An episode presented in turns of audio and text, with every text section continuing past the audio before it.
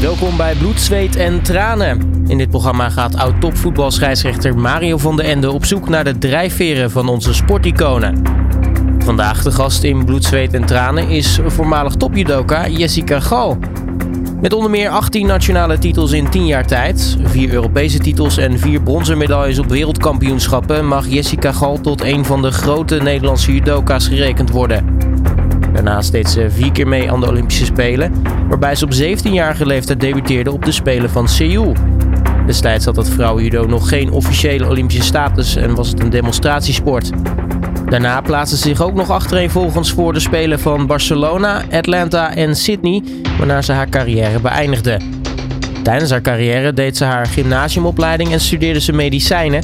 In 1998 ronde ze haar artsenstudie af en ging ze daarna de specialisatie tot sportarts doen. Als sportarts werd ze onder meer toegevoegd aan de staf van de Nederlandse hockeyvrouwen onder leiding van Mark Lammers.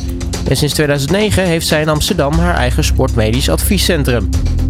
Maar voordat Mario met Jessica in gesprek gaat over haar eh, carrière en natuurlijk haar eh, carrière ook als sportarts, gaan we eerst even terug in de tijd. Naar de tijd dat Mario scheidsrechter was. Want hoe was hij eigenlijk op het veld? Dit keer vragen we het aan oud-prof van FC Utrecht, Frans Adelaar. Mijn herinnering aan Mario van den Ende is uh, dat hij als scheidsrechter de taal van de spelers sprak. Een uh, scheidsrechter die heel ad rem kon reageren. Op het moment dat je wat tegen hem zei, dan uh, kreeg je op hetzelfde niveau kreeg je antwoord. op niet mis te verstaande wijze. En ja, hij, hij had hij had uh, lak als, als Hagenees lak aan, uh, aan uh, mensen met een status. Hij floot zijn eigen wedstrijd. Werd destijds nog niet geholpen door VAR. Ik denk dat het ook niet een type was die graag met een VAR zou willen werken. En, en wat ik ook altijd mooi vond aan Mario, dat hij op de maandagavond, de vaste stapavond voor de professionals in, in Nederland, in voetballand, dat hij uh, regelmatig, meer dan regelmatig uh, tussen de jongens was en uh, gezellig een drankje mee, meedronk. Ja, Jessica, fijn dat je er bent. Ik moet ook altijd lachen als ik ja, dit soort verhalen van die oud voetballers hoor. Fijn dat je er bent. Ja, we kennen elkaar al een tijdje omdat we zelf bij dezelfde sportclub zitten, bij de 144. Ja zo'n genootschap. En, uh, maar ja, goed, ik word hier altijd even neergezet voor die uitzending. Uh, door een oud voetballer. Dit valt me weer reuze mee. Nou, het klonk, uh, klonk best typerend. Ja, ja, ja, het is ook, ja, ja, goed. dat zeg jij. Om dat van mezelf te zeggen, dan niet. Maar ik, nou ja, je werd net ook geïntroduceerd in dit programma. Ja. dat is een ja, geweldige carrière gehad als, als judoka. Ehm, nu we toch eventjes over het arbitrage hadden in het judo. Uh, daar moet ik altijd wel even kijken als ik die arbiters, zeker in het verleden, in jouw tijd ook zo. Ja. Daar, uh, daar zaten er een paar op een stoeltje langs de kant. En één hoofdscheidsrechter. Kon jij met arbitrage omgaan? Ja, ik heb er eigenlijk nooit zoveel problemen mee gehad. Ik heb ook niet echt het idee dat ik ooit echt serieus benadeeld ben. Ben, ook misschien ook niet onterecht bevoordeeld. Dus op zich uh, kon ik me daar op dat moment prima in vinden. Het is toch ook een beetje meer een jurysport dan een, uh, dan een hele harde uh, sport. Uh, in en uit, ja, buiten de mat stappen kon je wel en dan krijg je een straf voor. Dus daar, daar heb je echt wel, dat zou je bijvoorbeeld met, met de VAR bijvoorbeeld wel kunnen bekijken. Maar ja, er waren wel, je zag wel wedstrijden waar, men, waar beslissingen werden genomen waarvan je denkt van ja, dit is gewoon niet oké en, iemand heeft onterecht verloren. Dus zelf heb ik, niet, uh, heb ik er niet zoveel last van gehad, maar... Omdat je vaak won. Ja, ik kreeg meestal het voordeel van de twijfel, denk ik. ja. Nou ja, goed. Ik, het verbaast mij. Jij zegt zelf al, het is een jurysport. Ja. ze hebben het uh, wel een aantal jaren gebruiken ze nu ook uh, de camerabeelden. Dus een VAR, net zoals in het voetballen. En ik denk dat dat uh, voor nou, de zuiverheid is, altijd wel heel belangrijk is. Ja, het is ook wel een sport waarbij technisch, ja, er gebeuren gewoon best wel dingen die heel snel gaan. En waar je niet altijd op, dezelfde, op de goede plek gaat, staat om het goed te kunnen zien als scheidsrechter. Dus ik denk wel dat het heel goed is dat, uh, dat dat gewoon teruggekeken kan worden en hersteld kan worden als het uh, echt onterecht was. Ja, wat uh, kun je met judo een beetje vals spelen? Nou, kijk, met judo mag je bijvoorbeeld, dat weet niemand, dat weten veel mensen niet, denk ik, maar je mag gewoon je mond überhaupt niet open doen. Dus als jij met judo iets zegt, al zeg je van, hé hey, scheids, mijn band zit los of zo, in principe word je dan gedisqualificeerd. Dus als je ook maar één keer je mond open trekt, dat is gewoon verboden. En dat gebeurt dus ook niet. Dus dat is op zich wel het mooie van, uh, van een sport als judo. Daar zou je, zouden heel veel andere sporten denk ik een voorbeeld aan kunnen nemen. Als je het, uh, ja, ja ik, ik, hoorde net ik hoorde net Frans Adelaar over mij zeggen. Dat is juist uh, een van de leuke punten is. Ja, dat is waar. Maar dat is echt heel anders dan met judo. Dus en ja, ik denk als je kijkt naar, ja, naar zo'n stukje discipline en respect. Dat dat eigenlijk wel heel goed is dat dat, dat, dat zo is geregeld. Ja, maar ja goed, die, die subjectiviteit, hè, die, die, die mensen toch normaal uh, met zich meedragen. Dat, uh, ja. ja. je zegt als ik wel eens op de tribune kijk naar wedstrijden, dan zag je wel eens van dit klopt niet helemaal. Ja. En dan heb je dan zo'n uh, ja, zo'n gevoel van joh, dit klopt helemaal niet. En dat, dat gaat echt tegen mijn, mijn nou, principes. Er zijn, wel, er zijn wel wedstrijden geweest die ik gezien heb dat ik denk van ja, dit is gewoon echt, dit is niet terecht. En als je dat terug zou zien, er worden nu ook wel dingen gecontroleerd en rechtgezet. En dat denk ik dat dat een goede ontwikkeling is. Ja. ja ze zeggen ook wel eens een scheidsrechter moet ook een bepaalde autoriteit hebben. Hoe ga jij met autoriteit om? Nou, verrassend goed, vind ik zelf. um, nou, ja. Ik heb wel sterke eigen mening en, en ik kan wel dingen, kan wel snel uh, ergens tegen ingaan, zeg maar. Als ik echt vind dat het niet klopt. Maar op zich, uh, ja. Het hoort erbij. Je ja, ik ben niet heel erg opstandig, denk ik. Uh, um, vorig jaar, um, kijk je nog wel veel naar judo of niet? Uh, eerder gezegd kijk ik uh, niet heel veel. Ik kijk vooral de, op televisie eigenlijk. En, uh, ja, dus vorig jaar bijvoorbeeld, vorig jaar Olympische Spelen, dan kwam Nederland er maar erg karig af. Ook met één, ja. één medaille. Ja, ja, karig. Ik weet niet zeker wie had ook weer de medaille? Nou, Sanne, Sanne van Dijk. Oh ja, ja, ja. Nee, dat was heel, uh, ja, was een soort dieptepunt denk ik. Diepte, nou, Guido, we, we komen er straks nog wel even op terug. Want, want voor deze uitzending uh, tos ik altijd met uh, een beetje beroepsdeformatie als oud scheider. Dan ga je tossen. Ja. En dan vraag ik altijd, waar wil je gaan zitten? En het, het aardige is, ik heb, we hebben Ronald Koeman hier gehad, we hebben Guus Hidding gehad. Nou, die gaan op de plek zitten waar jij nu zit. Ja. Tegen de muur aan. Die zeggen, dan kunnen we naar buiten kijken, alles in de gaten houden. En dan krijgen we zeker geen mes in onze rug. Weet je, dat, dat, zit bij die jongens erin. Maar jij koos uh, als eerste gasten van mij, koos je een totaal verschillende uh, kruk waar je dus op gaat zitten achter de microfoon. Maakt het jou helemaal niet uit? Of heb jij toch bepaalde controlebehoeften waar je nu zit? Lekker naar buiten kijken. Een beetje naar Robert Denneman, de man die achter de knoppen zit, een beetje in de gaten houden. Nou, ik denk niet dat ik echt een voorkeur heb, maar nee. Ik denk, ja, ik denk, ik, dat was eigenlijk dichterbij een plek. Dus ik denk, ik ga daar zitten. Maar dat was blijkbaar niet een plek waar ik mocht zitten. Nee. Ja, dus, uh, nee, oké. maar, nee, maar ik ben niet bang voor messen in mijn rug. Dat niet. Nee, oké. nou ja, goed. Dat, uh, het is ook een hele veilige studio. Uh, je bent inmiddels, ik mag dat zeggen, 51 jaar alweer. Ja. een goed bouwjaar, 1971. Het is alweer ja, 22 jaar na je afscheid op de Olympische Spelen hè, van de wedstrijdsport. Ja, Daar ben je in, in Sydney mee gestopt. Ja. Ik zag je het aankomen lopen hier. En toen dacht ik van, die is nog wel heel fit. We hebben een uh, hele rare periode achter de rug met die corona en zo. Misschien komt er al wel weer aan ook. Maar uh, ben je nog uh, heel actief? Nou, ik ben niet super actief in de zin van ik, dat ik elke dag aan het sporten ben. Ik probeer drie keer in de week te sporten. En dan doe ik een beetje fitness, een beetje hardlopen, fietsen. En dan een, be een beetje, is dat een nee, paar dat valt echt mee. Dat valt echt mee. Maar ik, ja, nee, ik, ik, ja, ik heb vroeger altijd heel erg op mijn gewicht moeten letten. Ben er heel erg mee bezig geweest. En nu probeer ik dat gewoon eigenlijk ik doe er eigenlijk geen moeite voor, maar ik probeer gewoon wel een beetje met, met beleid te, te eten, zou ik maar zeggen. En, um, en regelmatig te sporten. Maar ik ben geen. Uh, nee, ik ben, ik ben niet zeg maar de fitte, de fitte, de, zo fit als ik vroeger was. Nou ja, goed. Maar, uh, of als je eruit ziet, want dat, dat zie je dus nog steeds. niet, uh, niet zo fit als ik eruit zie, ja. Even terug naar het begin. Je bent geboren en getogen in Amsterdam? Ja, geboren in Amsterdam. getogen voor een groot deel in Amstelveen. En nu woon ik weer in Amsterdam. Ja, dus opgegroeid, lang gewoond. Uh, kom je uit een sportief gezin?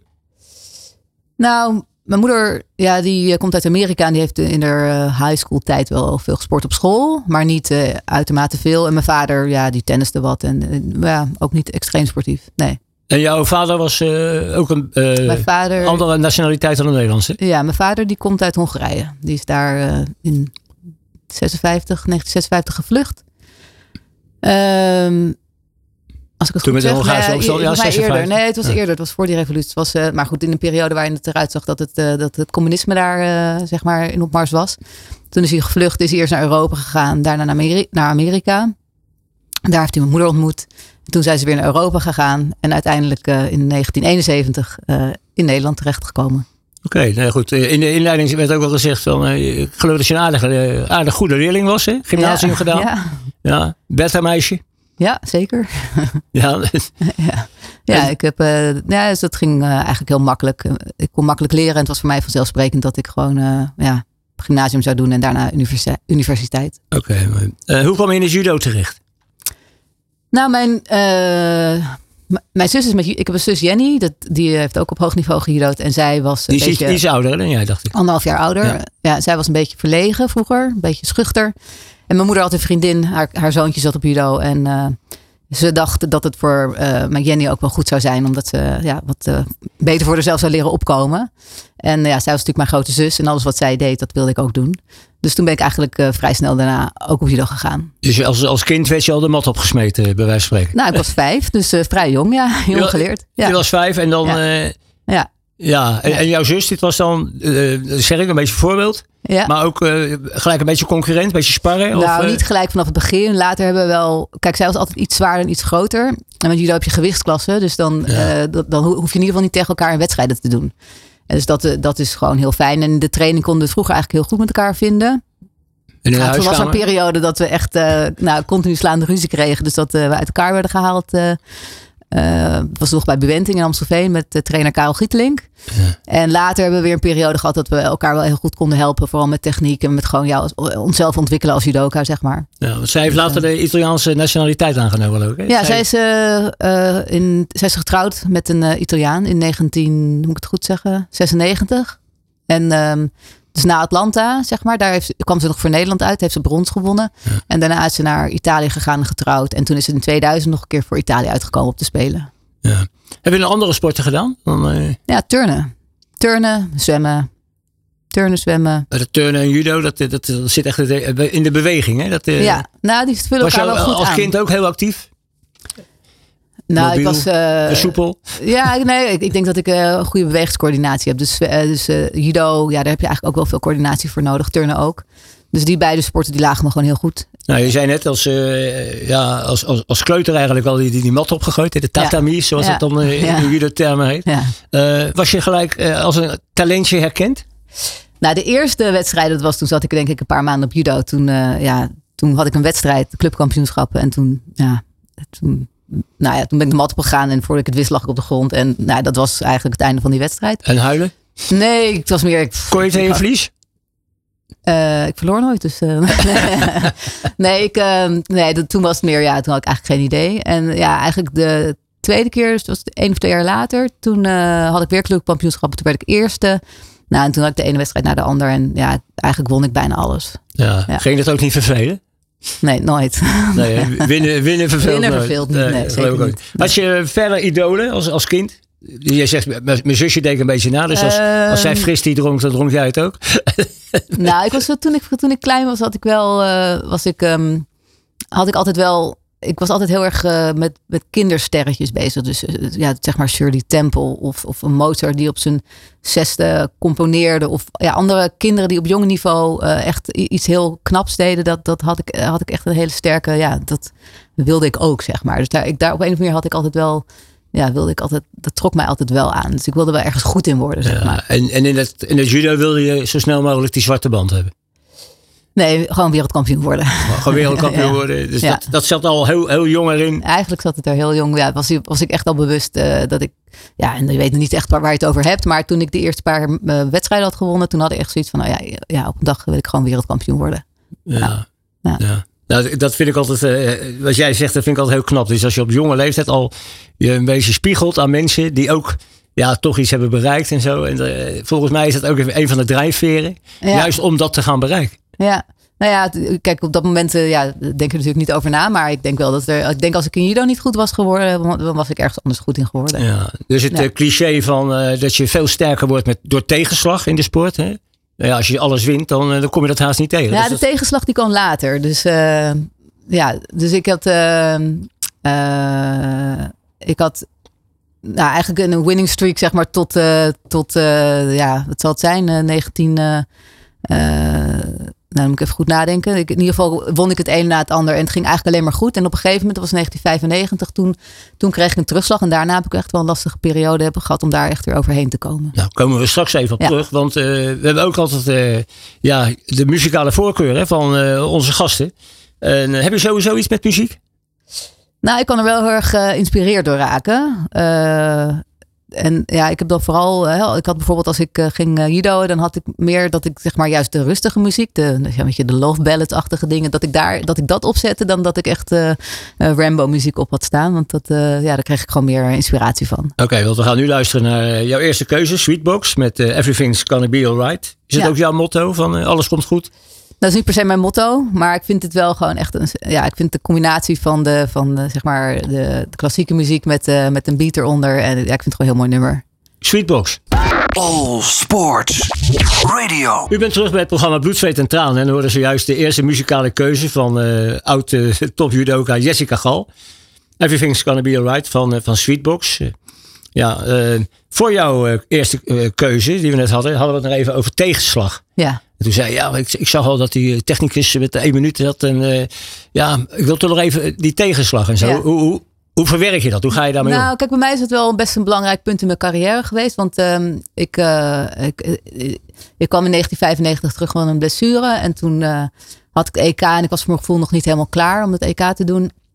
En toen, of tenminste, ja, ik had nog niet het vertrouwen, laat ik het zo zeggen. En toen werd ik derde, maar dat voelde echt als een, als een, ja, als een teleurstelling, zeg maar. Ik had eigenlijk vond dat ik uh, hè, als uh, oud-Europees kampioen gewoon Europees kampioen was. Maar dan word je derde, maar dan verlies je maar één partij, hè?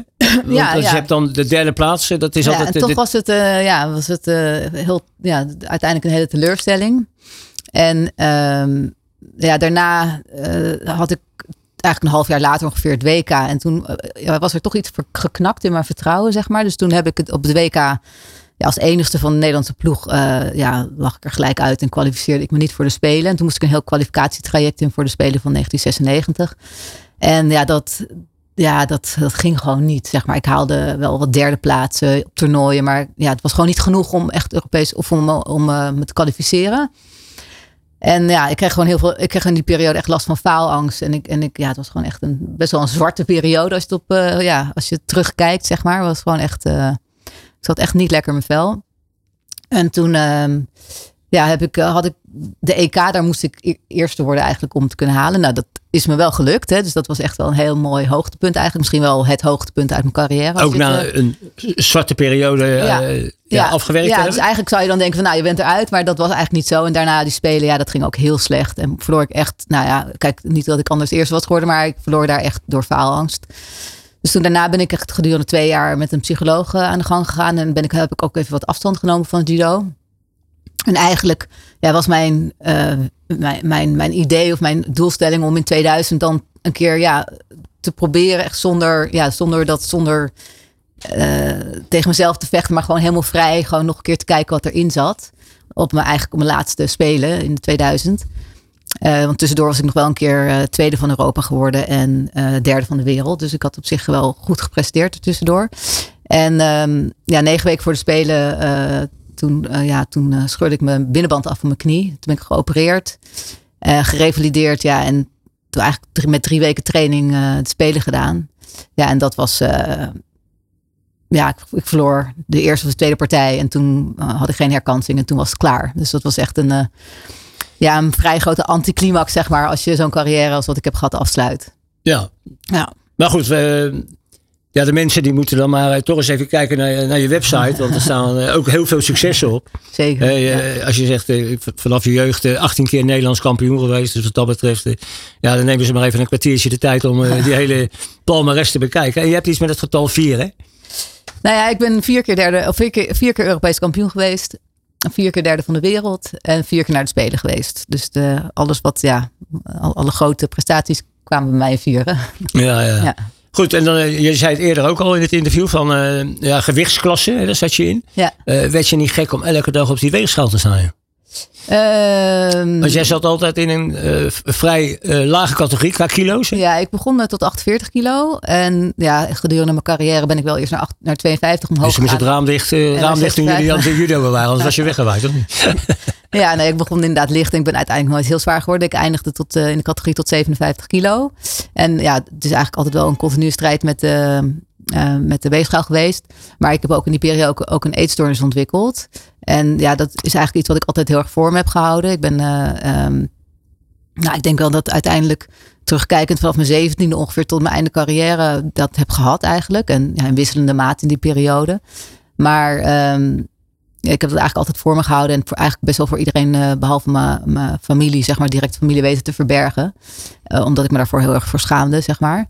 En uh, uiteindelijk ben ik daar wel ja, dan mee naar buiten gekomen op een goed moment. Omdat ik het wel belangrijk vind dat het, een, dat, dat de aandacht krijgt. Omdat het echt wel iets is wat bij veel sporten en veel sporters. En zeker ook gewichtsklasse sporten speelt. Ja. Dus um, ja, in die zin is het niet zonder. Dat is, uiteindelijk is dat gewoon een hele. drukt dat een hele grote stempel op heel die sport, zeg maar. Dat je continu maar met dat gewicht bezig moet zijn. Ja, het is ook een enorm streng regime hè, waar je in zit, natuurlijk. Het is... Ja, kijk, je, bijna iedereen die is tussen de wedstrijden door wat zwaarder. en die moet dan voor de wedstrijden afvallen. En ja, als je één keer wat af moet, af moet vallen, is dat niet zo erg. Maar het is eigenlijk continu maar. Het moet elke keer weer.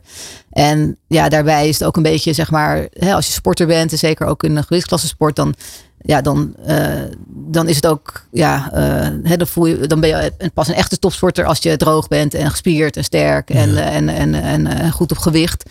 Dus het is ook wel, zeg maar, ja, een bepaalde druk die je zelf oplegt. Uh, misschien ook een druk, stukje druk uit de maatschappij. Zeker als vrouw die judo's. Ja, dan wil je ook eigenlijk gewoon toch ook gewoon slank zijn, zeg maar. Dus dat, dus dat speelt ook nog mee.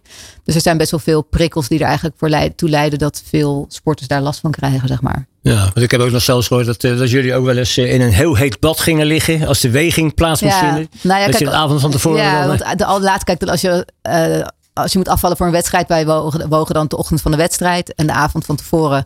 Ja, dan moest je zorgen dat je op gewicht was. En eigenlijk wist je op een gegeven moment, dat ik wist op een gegeven moment, ja, dat als ik eh, dan in een warm bad ga liggen, dan kan ik max anderhalf kilo kwijt.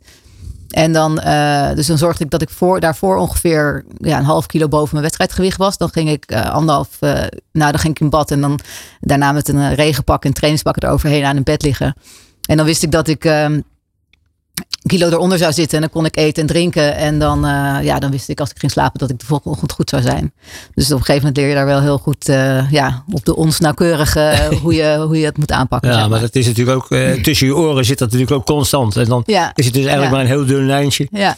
Nou ja, kijk, als, je moet natuurlijk oppassen dat niet de gevecht met de, met de weegschaal zeg maar, belangrijker wordt dan zeg maar, de gevecht met de tegenstander. Nee, dat, gaat dat, dat is bij veel judoka's wel aan de orde, zeg maar. Ja, ja. Die, die moet op de rug, hè, zo snel mogelijk. Ja, zeker. In dit programma, Jessica, proberen wij ook de persoon achter de, de gasten achter de microfoon een beetje te ontdekken. Ik heb geprobeerd wat persoonlijke kenmerken op een rijtje te zetten. En ik vraag je daarop kort te reageren. Als ik denk aan Jessica Gal, dan denk ik aan een, aan een vrouw die heel geëngageerd is. Zeker. Ja, maatschappelijk. Ja, op dit moment maak ik me vooral druk over. Uh, nou, ik maak me eigenlijk over heel boel druk. Dus ik zal niet over, overal over. Maar met name gewoon wat ik, omdat ik als, sportarts ben, zeg maar, um, ja, maak ik me vooral heel erg druk over uh, het feit dat, uh, ja, dat, dat het bewegingsarmoede toeneemt, dat het overwicht toeneemt, dat de chronische aandoeningen toenemen. En dat we er niet in slagen, zeg maar, als maatschappij om dat onder controle te krijgen.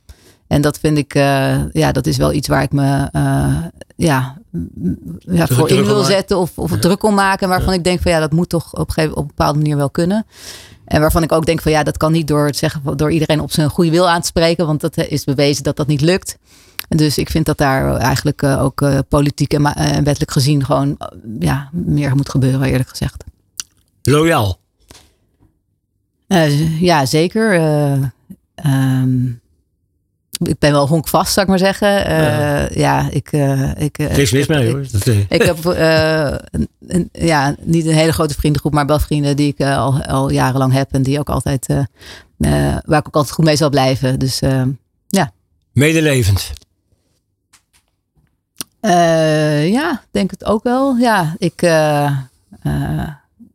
Nou ja, kijk, ik ben ook wel een beetje, kan, kan ook heel erg op mezelf zijn en met mezelf bezig zijn. Hè? Dus in die zin uh, ben ik niet altijd even, zeg maar, uh, ja, dat ik mensen, dat ik altijd aan ieder, iedereen's verjaardag denk en altijd heel attent ben, zeg maar. Maar medelevend denk ik zeker wel, ja. En empathisch, denk ik, ja. Die had ik ook staan. Oh. dit heb je al gelijk op geantwoord. Uh, creatief. En dan niet in de zin van ik kan heel mooi tekenen of heel mooi schilderen. Maar gewoon dat je altijd met, met in je hoofd met nieuwe dingen bezig bent? Nou ja, ik ben, ik ben uh, in die zin, ik heb mezelf eigenlijk nooit als creatief beschouwd. Omdat ik ja, niet heel erg van de kraaltjes en de, en de kettingjes ben. En, nee, maar en, daarom zeg, die heb ik gelijk al geëlimineerd. Maar ik ben wel eigenlijk altijd wel bezig met, uh, met, met nieuwe dingen. En, en, en nieuwe dingen bedenken. En, en proberen ja, dingen op mijn manier anders te doen dus elke, soms moet ik oppassen dat ik niet te veel ideeën haal die ik. Uh, uh, die, die, de eindstreep niet halen. Precies, juist. Want dat is wel een beetje mijn valkuil. Ja. ja. Ik heb uh, intens schuine streep diepgaand.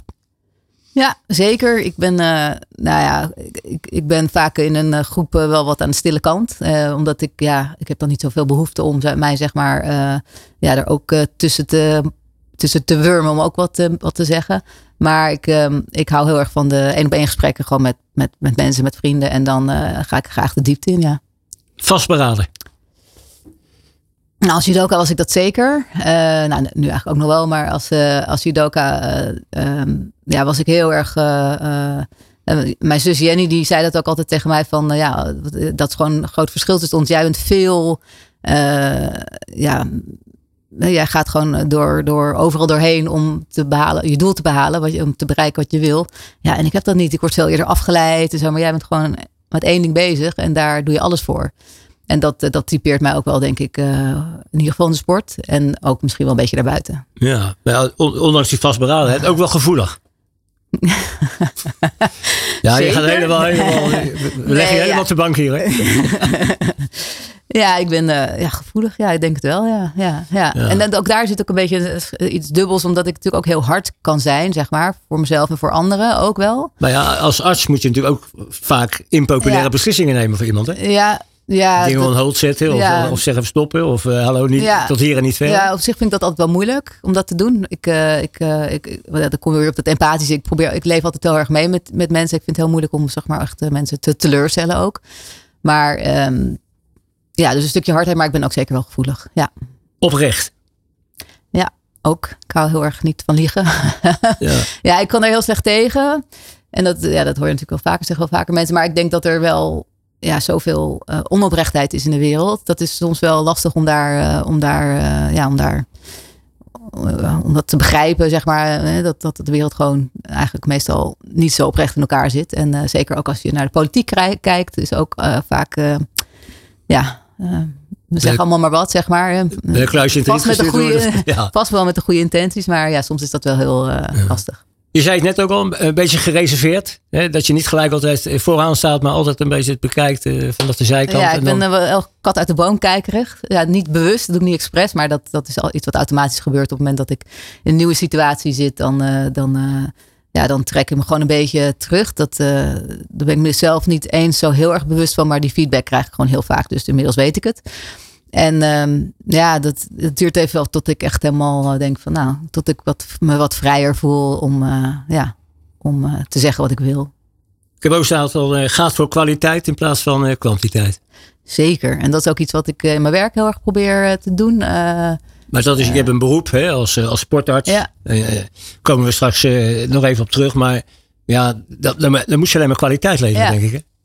Ja, kijk, kijk het is natuurlijk heel makkelijk om mensen zeg maar, met protocollen te werken en te zeggen van nou, dit is het protocol, dus ga dat maar doen en dan komt het allemaal goed. En dat, dat, dat, zo werkt het in de praktijk vaak niet. Dus ik ben wel vaak bezig om te kijken van ja, wat bij een persoon, wat, wat, um, ja, hoe kan ik dit zeg maar uh, voor deze persoon het beste regelen. Dus niet te veel in protocollen te denken, maar meer gewoon ja, um, ja, iedereen is anders. In elk geval is anders om daar wat meer mee te doen.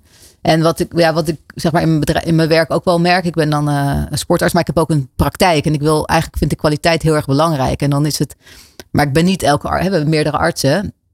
Dus is voor mij, ik ben altijd wel veel bezig met wat is nou kwaliteit voor een sportartsenpraktijk. Weet je, dat is niet alleen maar hoe de arts is. Hè. Die moet natuurlijk gewoon goed hun werk doen.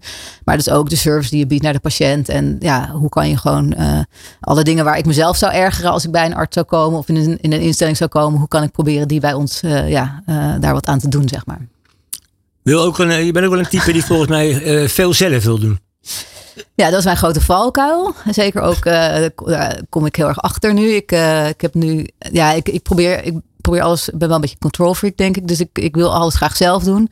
En ja, op een gegeven moment, zeker als je met een bedrijf ook groeit, dan kan dat niet meer. Dus dan, heb ik echt moeten leren delegeren. En dat vind ik nog steeds heel moeilijk. Maar nu sinds kort, sinds eigenlijk 1 oktober, begint er een leidinggevende doktersassistent die wat meer hè, taken van mij moet overnemen. Nou, en ik moet mezelf echt nu al heel hard toespreken dat ik dat echt haar die, uh, die rol ook moet gunnen, zeg maar. En dat ik dat niet te veel de touwtjes in handen ga houden. Ja, en toch ben je ook het type volgens mij die altijd harmonie zoekt. Nou, ik kan slecht tegen ruzie.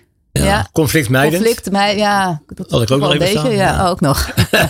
ja, nou ja, dat klopt wel een beetje. Ik, hou, ik, hou, ik, ik, uh, ik, ik kan daar heel slecht tegen. Ik vind ook, dat is een, vooral ook een minder puntje, maar ik kan ook heel, vind het ook heel moeilijk om met mijn kind, zeg maar, om, uh, om uh, heel daar, daar conflict op te zoeken. Dus ik vind, ja, ik probeer, dat, dat, dat is een beetje valkuil, dat ik dan toch te makkelijk ja zeg.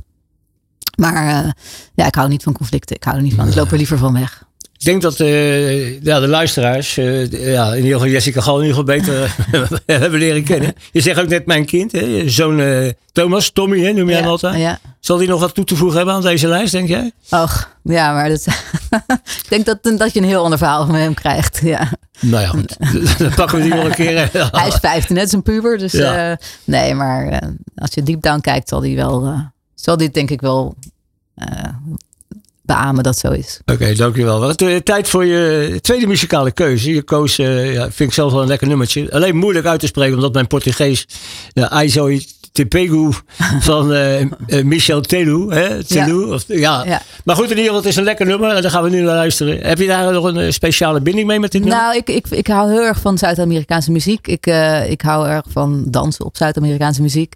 Dus en dit, dit valt daaronder. Dus vind ik een heel lekker nummer. Goed, we gaan er naar luisteren. Alle sporten van binnenuit. All Sport Radio. Uh, u uh, hoorde het uh, tweede nummer van Jessica Gal. Aisoitu Tepegu van Michel Telou. Een ja, lekker, lekker dansnummertje wat je al zei. ja. Doe je dat nog wel eens? Nou, te weinig denk ik. ja, nee, ik, ik, ga niet heel vaak uit te dansen, zeg maar. Maar als het zich voordoet, vind ik dat leuk, gezellig. Ja.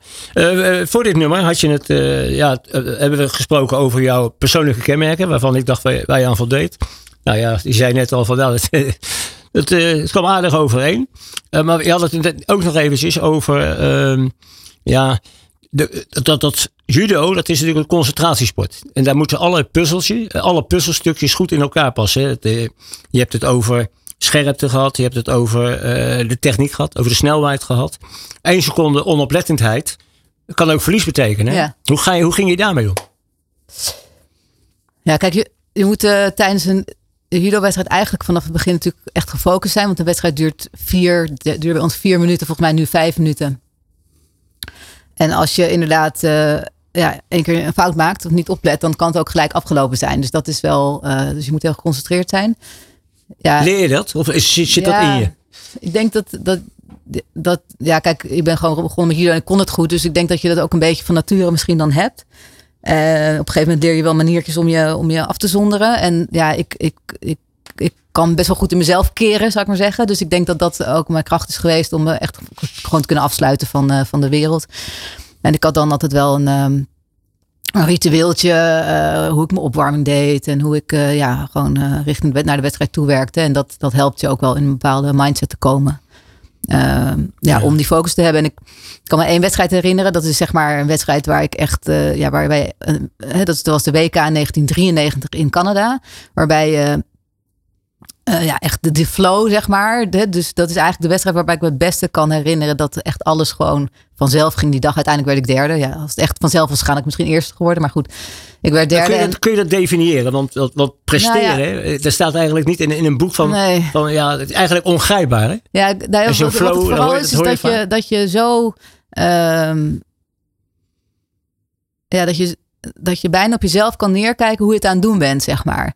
He, dus dat je, dat je zo eigenlijk in die wedstrijd zit, dat je, dat je niet um, aan andere dingen denkt. Hè? Want dat is eigenlijk de grootste valkuil als je. Uh, Afleid, als je afleiders hebt? Nou, dat je gaat denken aan, ja, uh, ja. Als, wat, uh, als ik dit doe, dan heb ik gewonnen. Of als ik dat doe, dan heb ik verloren. Of ik moet niet dit doen, of ik moet wel dat doen. Weer die extra tegenstander tussen je oren. Ja, dus dan ben je eigenlijk bezig met zeg maar, het resultaat van wat je aan het doen bent. En niet erin zetten. En, en het beste is eigenlijk gewoon als je ja, ik had ook het gevoel dat ik zeg maar tien keer zo scherp kon zien en tien keer zo scherp kon horen en, en tien keer zo snel kon denken als, als op een normaal moment, zeg maar. En dat, ja, hoe je dat moet opwekken, dat is natuurlijk een beetje zeg maar de grote vraag. Maar dat is wel, ja, dat kan ik me ook wel zo goed herinneren dat dat toen, ehm, ja, dat ik het gevoel had gewoon dat mijn zintuigen drie keer zo goed werkten als, uh, als ander. Ja, maar dat ik vind dat heel frappant. Ik heb hier natuurlijk een aantal mensen ook op jouw plek uh, gesproken. De topsportprestaties. Kirsten van der Kolk, de roeister. Die kan precies die twee kilometer die ze geroeid heeft in Londen, kan ze nog helemaal vanaf de start, vanaf het startsignaal tot het eind. Elke slag kan ze terughalen. Ja. Dat is echt mooi. Ik heb Marianne Timmer hier gehad. Duizend meter in, in Nagano die ze, die ze schaatste. Uh, die kan precies van de startschot tot het eind pootje over, pootje over, pootje rechts, achter, kom zitten, kom zitten, met de tegenstander. Die moet voor. Weet je, dus dat helemaal precies elke slag, dat ze nog een keer bijna een misslag maakte. Dat ze een barst in het ijs zag. Ja, ja, ja, wat jij ook zegt, dat, dat je dus tien keer zo scherp ziet, tien keer zo scherp hoort. Uh, ik heb een uh, collega van jou, uh, Mark Huizinga, hier gehad. Die, zijn Brazili die Braziliaanse tegenstander. Die kon die helemaal nog helemaal uittekenen hoe die tegenover hem stond. Hij kon de partij helemaal navertellen. Hij kon de beslissingen navertellen. Hij zag mensen op de tribune voordat ze begonnen. Ja, dat is eigenlijk is dat, al, dat is niet te definiëren, toch? Nee.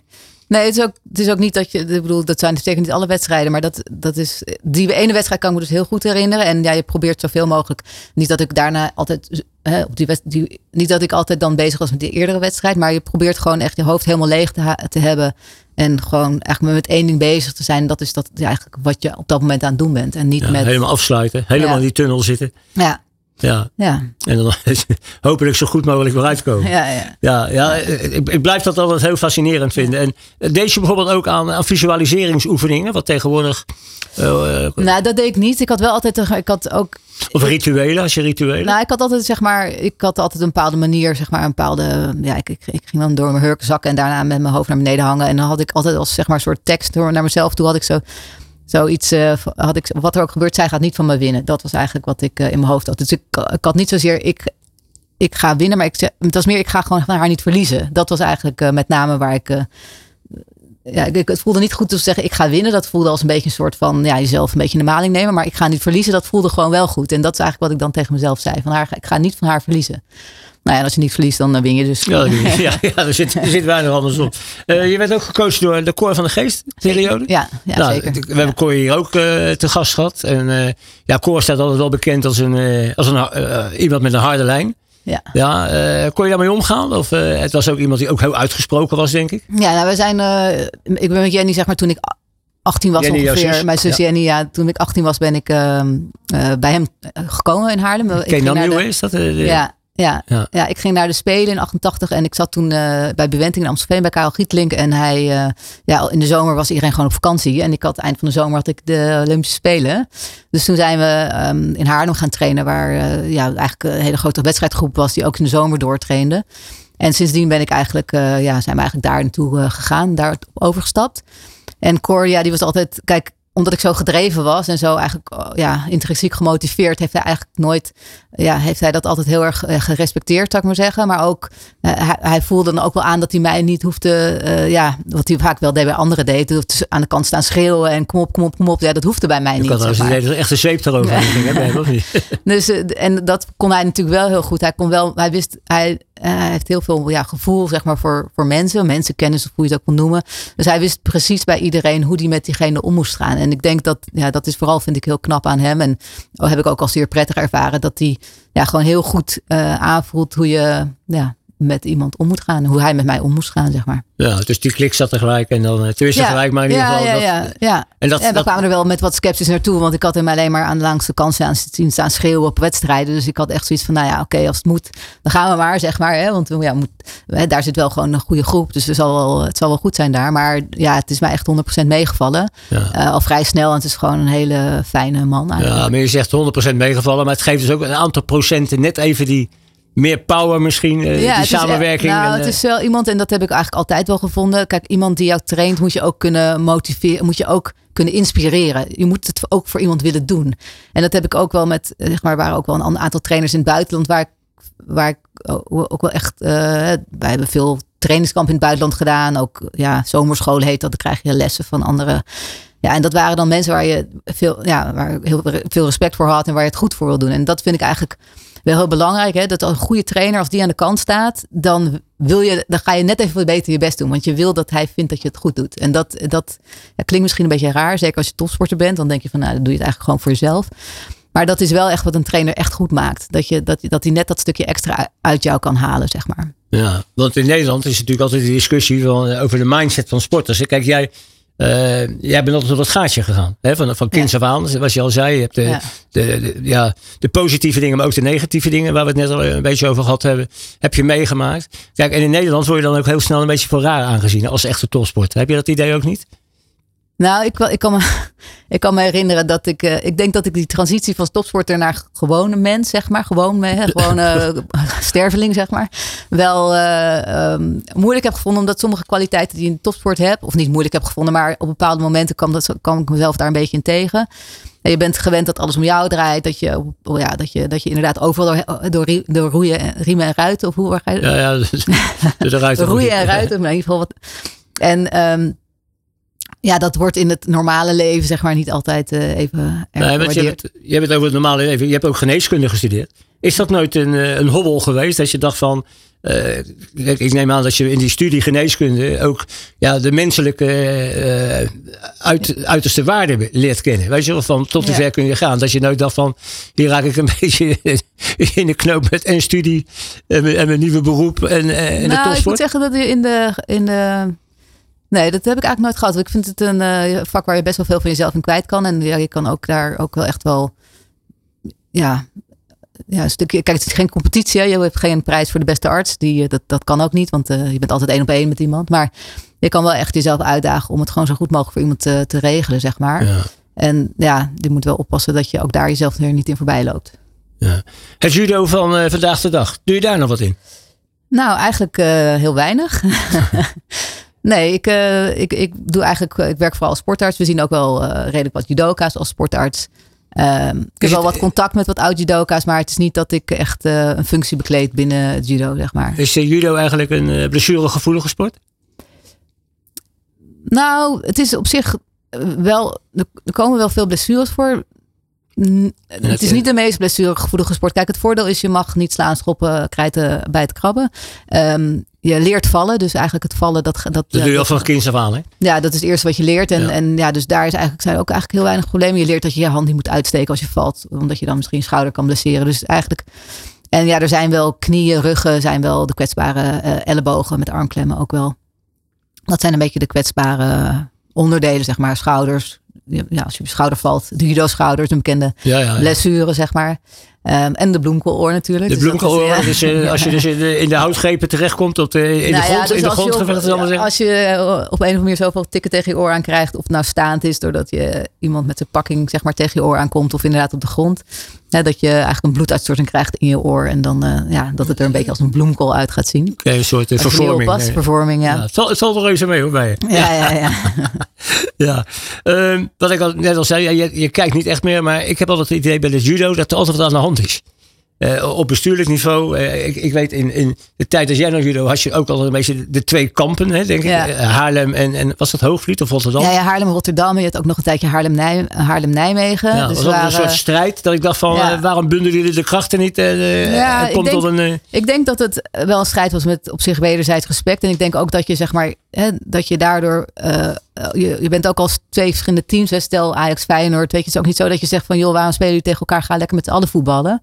En dus ik denk dat Nederland zelf zo komt dat wel bij elkaar. Ja, komt het bij ja. elkaar. Ik, kom, ik denk dat die, dat, die, dat die competitie, die strijd, hè, dat die eigenlijk wel goed was. En ik denk dat er een paar gewoon hele ja, sterke sportschoolhouders zijn geweest die heel veel kampioen hebben geproduceerd.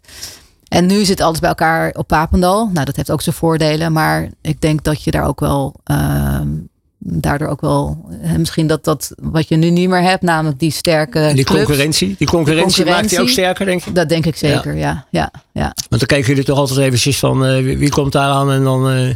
Ja, nou ja, ik moet eerlijk zeggen dat, uh, dat, dat, dat, dat het bij mij niet zo sterk was, persoonlijk. Maar ja, ik zat wel bij een van de clubs, zeg maar. En ja, ja je merkte gewoon dat, ja, dat je als je gewoon meerdere goede clubs hebt, die allemaal proberen hun, hè, dan krijg je gewoon een bredere top. En een, en een, en een, en een betere top misschien wel. meer stimulans, ja, concurrentie, wat ik zei, dat, dat maakt je sterker.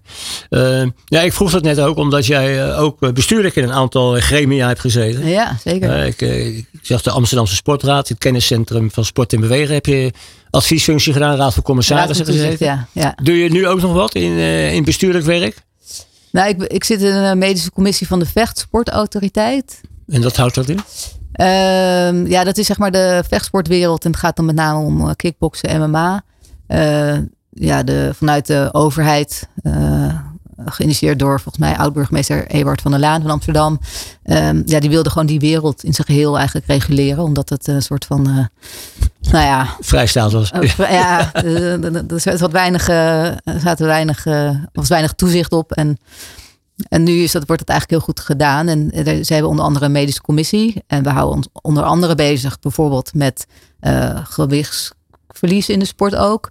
Maar ook met uh, het instellen van een medische keuring. Um, uh, de, de, vinger, de, vinger, aan de pols uh, functie. Ja, de vinger aan de pols functie. Er is een, de, de, daar, daar ga ik niet over, want ik ben in de medische commissie. Maar er is ook een, een zeg maar een, een soort erkenning waar alle vechtsportscholen aan moeten voldoen om erkend te worden. Om ja, wedstrijden te mogen doen en te mogen organiseren. Dus ja, ik denk dat die eigenlijk heel goed werk verrichten. Ja. En dan uh, natuurlijk ook nog uh, als ondernemer ben je bezig. Hè? Je, je hebt drie praktijken voor uh, in Amsterdam, Haarlem en Zaandam. Hè? Ja. Sportartsen. Ja, zeker. veel topsporters? Of is het nou, ook voor recreanten? Nou, we zien eigenlijk veel breedte sport. Dus dat is inderdaad recreanten. We zien ook, we hebben eigenlijk verschillende doelgroepen. We zien, nou, ik denk de overgrote doelgroep is breedte sporters. Dus iedereen die tijdens sport of bewegen ja, of een blessure oploopt of um, klachten heeft van pijn op de borst, kortademigheid, uh, conditieverlies, die zien we. Maar we zien ook wel veel, um, ja, bijvoorbeeld mensen met een chronische aandoening, die we dan helpen bij uh, door middel van sport toch hun conditie te verbeteren, maar ook hun ziektelasten te verminderen. Zoals uh, nou, onder andere nu de laatste twee jaar COVID-patiënten, maar ook oncologische patiënten, ook patiënten met schildklieraandoeningen of, of hart, hart- en longproblemen. Uh, we zien ook veel mensen met uh, artrose, dus slijtageklachten. Omdat je, ja, eigenlijk de, de medische, de operatieve ingreep is uh, vaak een nieuwe, nieuwe prothese van, de, van een gewricht. Maar ja, dat, daar, beweging is ook heel belangrijk daarin. En we doen ook ja, allerlei andere dingen, zoals injecties. En um, ja, we doen veel loopbandtesten, veel echografie. Dus we hebben een vrij brede praktijk. En de wachttijden ook zo lang? bij, bij ons kan je binnen twee of drie dagen terecht. Oké. Altijd. Goed, dus dat is uh, Amsterdam, Haarlem, Zaandam. Amsterdam, dus, Haarlem, Kijk even, Jessica, ja. Jessica, Jessica Ja. Oké. Ja. Um, uh, ik moet altijd lachen. Voor jou liggen al een uh, heel uur een, een, gele en een rode kaart. Ja. Uh, al jouw voorgangers hier maakten daar altijd gretig gebruik van. Dat je mag en de gele en de rode kaart mag je aan een organisatie, aan een persoon uitdelen waarvan jij zegt van nou, die verdienen hem. Mm. Nou ja, eigenlijk uh, als we het over de rode kaart hebben, dan kan je eigenlijk niet om één persoon heen. En dat is dan toch uh, uh, een dictator uit Rusland, waar ik de wiens naam ik liever niet noem, maar Poetin. Poetin, ja. dat is echt, nou ja, nou ja, goed. We weten allemaal hoe het er nu voor staat, maar dat is iets wat me wel heel veel zorgen baart. En um, ja, ik vind het moeilijk om. Ik, ik, heb eigenlijk nooit niet heel erg lang over, goed over nagedacht.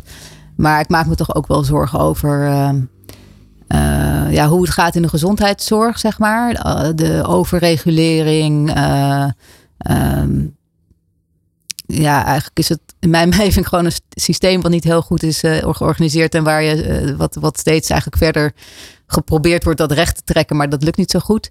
Dus um, ik wil dat niet aan een bepaalde, bepaalde persoon richten. Maar ik denk dat het wel, ja, de gezondheidszorg wel. Ja, dat daar wel goed gekeken moet worden van hoe kunnen we uh, eigenlijk um, de zaken goed op orde krijgen. En de reguleren, de, ja, de, de overmatige regeldruk die er is uh, voor artsen onder andere beperken. Nou, dat is in ieder geval een duidelijk statement. en, uh, ja, de terechte gele kaart waard, denk ik. Uh, Jessica, zo'n uur vliegt om. Uh, ja, we gaan ook afsluiten zo met jouw derde muzikale keuze. Een nummer van Whitney Houston.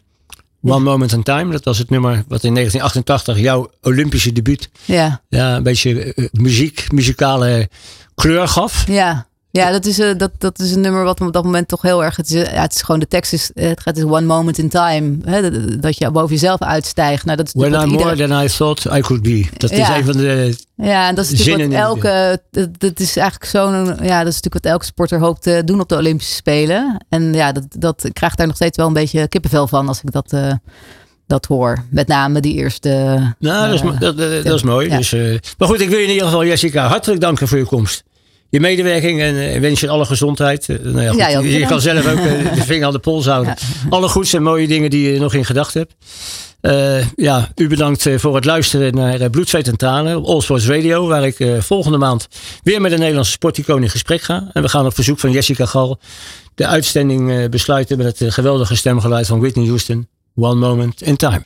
De sportzender van Nederland. Dit is All Sports Radio.